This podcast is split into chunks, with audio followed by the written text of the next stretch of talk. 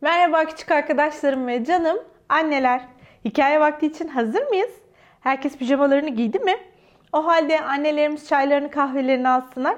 Küçük arkadaşlarım yataklarına uzanıp kendilerini sessiz moda alıp ışıklarını hafifçe kıssınlar. Bugünkü hikayemize başlayalım. Neydi Mihroş bugünkü hikayemizin adı? Ceydi Harikalar Fırınında. Evet. Ve burada küçük bir kız çok meraklı. Fırınla ilgili her şeyi öğrenmek istiyor. Bu yüzden fırınla ilgili her şeyi deney yaparak öğreniyor. Hadi Deneyim- başlayalım. Evet, deneyimleyerek öğrenecek. Evet. Bu kitapta bize bu yolculuğu anlatıyor olacak. Evet. Ceydilerin mahallesinde bir fırın vardı. Adı da Harikalar Fırınıydı. İçerisinden hep mis gibi kokular yükselirdi. Vitrini boy boy ekmekler, çörekler, kurabiyeler ve simitlerle dolu bir dükkandı burası.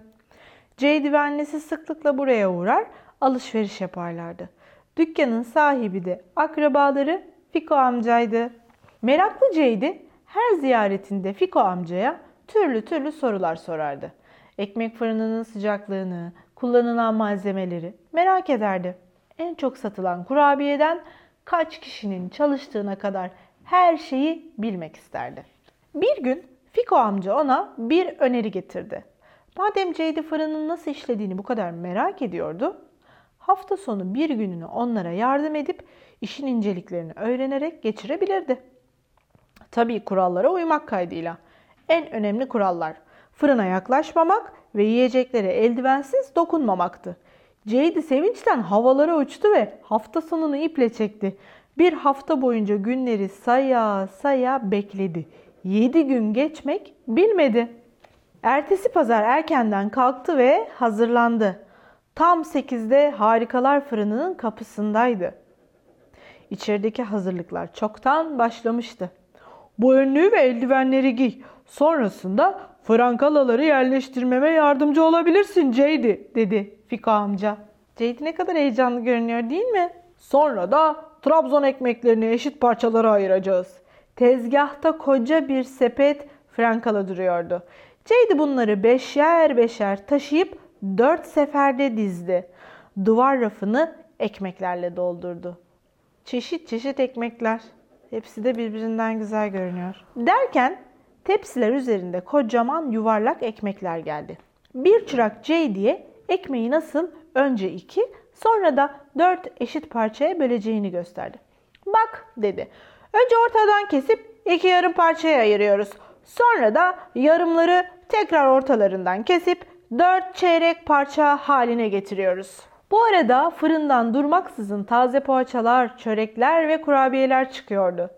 Ceydi bu çörekleri onar onar ayırıp paketler misin lütfen diye rica etti Fiko amca.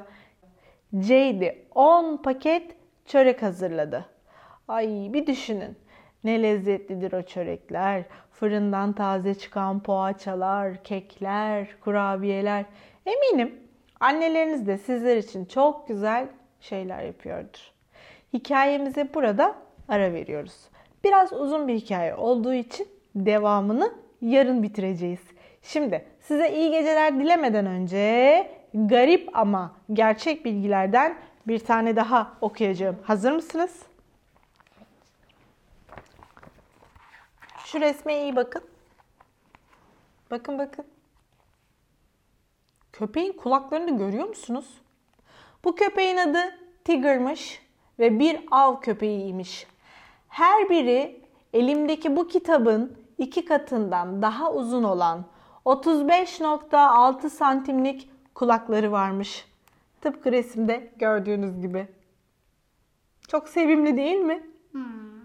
Bugünlük de bu kadar. Yarın yine aynı saatte hikayemize kaldığı yerden devam edeceğiz.